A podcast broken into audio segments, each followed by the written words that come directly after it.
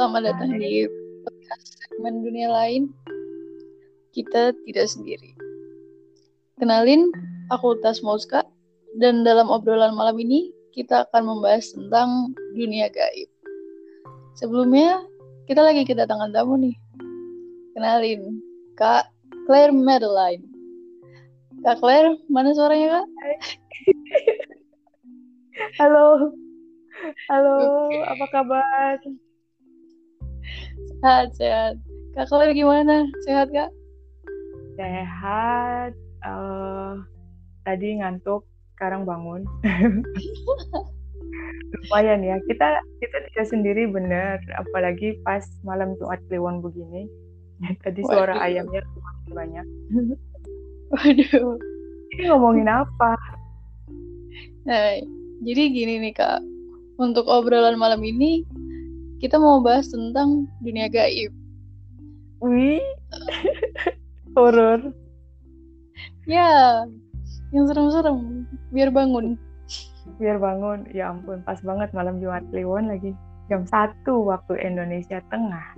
Jam 12 waktu Indonesia Barat di sana. Iya, benar sekali. Oke. Okay. Emang Kak Tas mau nanya apa? kita nah, saling ber- kita kita saling berbagi aja deh. Soalnya pasti kalau obrolan horor sih masing-masing hmm. orang pasti ya punya pengalaman masing-masing gitu ya. Saya hmm. saya akan sharing dari versinya saya sendiri. Gitu aja. Oke. Oke oke. Um, kita langsung ke pertanyaan pertama ya kak. Boleh. Aduh silakan. Jangan susah-susah Enggak kok. Nah, uh, sebenarnya dunia gaib itu apa sih kak? Dunia gaib, oke, okay. gaib. Kalau manusia itu kan punya lima indera.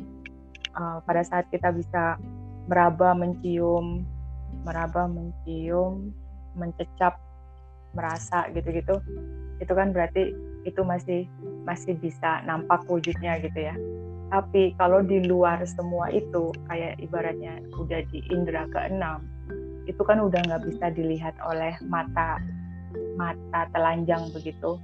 Itu bisa dikatakan gaib gitu. Jadi antara ada dan tiada tapi ada gitu. Ya kayak contohnya kayak contohnya virus corona. Ini contoh yang nyata aja deh. Itu virus hmm. corona itu sebenarnya gaib cuman banyak banget orang tidak percaya sama virus corona. Kita ngomong corona sedikit ya, karena ada kaitannya dengan gaib. Ya. Ya, kan? karena uh, virus, virus itu tidak nampak. Virus, semua bakteri segala macam itu bisa juga kategori dunia gaib. karena hmm. karena mereka nggak nampak, nggak nampak oleh mata, tapi ada wujudnya. Orang bisa kena penyakit ini dan banyak sekali yang meninggal korbannya. Demikian juga dengan dunia gaib yang dimaksud gaib di sini juga tidak tidak semata-mata hanya dunia hantu atau dunia yang horor-horor saja, tapi juga untuk untuk sesuatu yang sifatnya uh, katakanlah tidak kasat mata gitu. Itu pun itu pun gaib gitu. Dan gaib ini ada banyak sekali jenisnya dari dari yang horor-horor itu sendiri, yang makhluk-makhluk tak kasat mata, makhluk-makhluk yang sifatnya masih yang energi kasar, ataupun makhluk-makhluk yang udah entitas tinggi kayak misalnya malaikat atau uh, mungkin leluhur-leluhur yang yang menguasai uh, Nusantara yang pertama kali uh, apa sih yang pertama kali ada di Nusantara gitu-gitu. Dan mm -hmm banyak sekali macamnya. Jadi gaib itu untuk katakanlah secara awam ya tidak bisa dilihat oleh mata telanjang atau tidak bisa di dinalar di luar nalar manusia gitu. Tetapi ada wujudnya. Misalnya kita misalnya kita tidak percaya gitu ya, misalnya ah nggak pernah ada ada kok nyatanya itu orang-orang pada pada terkena nyatanya di rumah sakit banyak sekali orang terkena itu pun gaib jadi yang gaib itu tidak serem-serem corona pun serem kan sebenarnya serem banget iya iya kalau uh, menurutnya Kak Tas sendiri gimana? Waduh, gimana ya? maksud tak, maksud saya sih uh, sering dong yang berkaitan dengan gaib-gaib gitu. Hmm, pendapat saya tentang dunia gaib sebenarnya nggak jauh beda dari yang Kak Claire sampaikan sih tadi.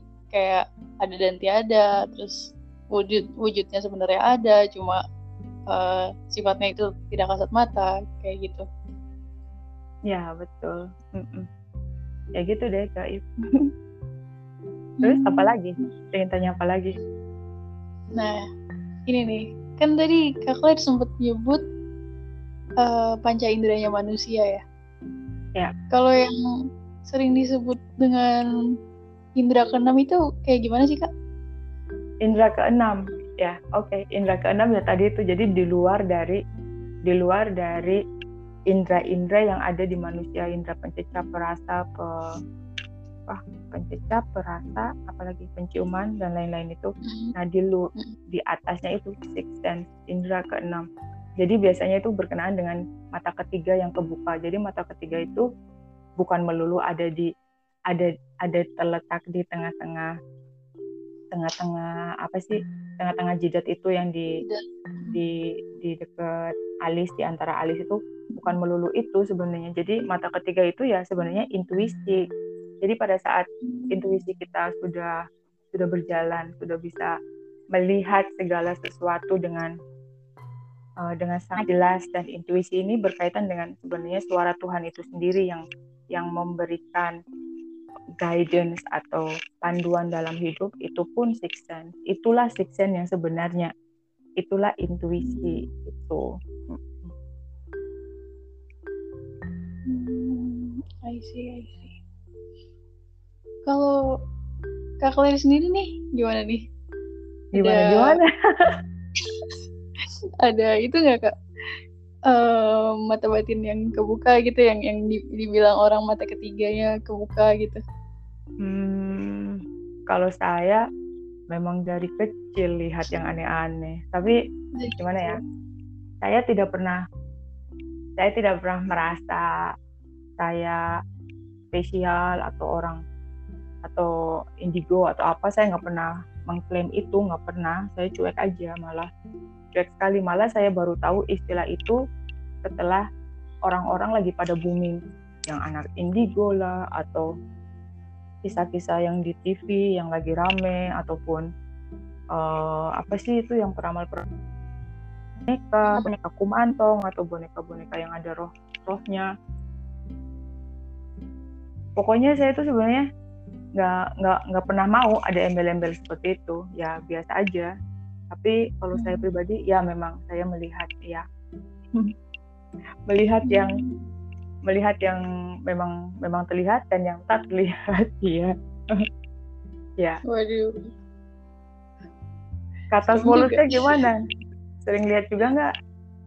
Wah kalau saya paling lihatnya tukang bakso saya paling cepat lihat uang. Pasti kalau itu eh, pasti. Cepet itu. Uh, gini nih. Ini kan malam Jumat Kliwon ya? Uh-uh. itu ada rasa apa gitu nggak kak? Malam ini ya? Hmm. uh, karena oke. okay. Malam ini rasa siwir-siwir atau sih pokoknya biasanya sih kalau uh, malam ini uh, saya nggak begitu lagi channeling kepada semua yang di sekitar karena saya malam ini agak cuek dan dari tadi di kamar hmm. dari tadi di kamar tetapi beberapa kali sebelum kita sebelum kita apa live ini hmm. ayam tetangga bunyi terus jadi ini bukan bukan hal yang wajar sebenarnya di jam-jam seperti ini. Bunyi ayam saling bersaut-sautan berkokok yang luar biasa gitu. Itu sebenarnya bukan hal yang wajar. Jadi ya itulah tanda-tanda kedatangan mereka. Bisa juga atau atau mereka binatang-binatang apa ayam ini melihat yang gaib itu. Makanya mereka bunyi gitu. Mungkin kalau saya keluar gitu di luar pasti ya ada banyak tapi kalau keluar nanti suaranya tidak begitu bagus. Balik lagi ya kita ke topik awal tadi. Kita tidak sendiri. Ya. Enggak, kita enggak sendiri. Saya pun saat ini lagi ditemenin ke atas. bener bener. Enggak, enggak, enggak ada, enggak ada yang benar-benar sendiri sebenarnya di dunia ini enggak ada. Misalnya toh hmm. ada orang banyak bilang, oh saya kesepian, saya hidup sendiri. Ah, dianya aja yang nggak sadar kalau di samping-sampingnya banyak yang lain. nggak tahu aja di belakangnya dia berdiri ya. Nggak tahu aja dia. iya. Emang pernah ada cerita horor apa? Coba cerita gantian. Waduh. Saling, saling sharing. Kita sih biasanya oh. cuma sharing-sharing aja.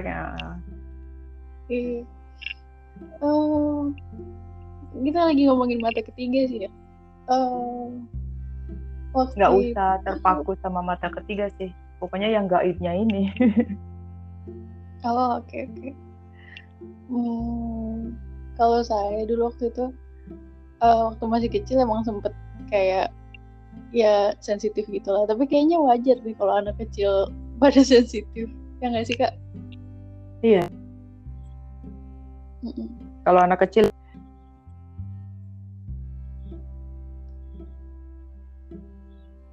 cuma karena uh, seiring bertambahnya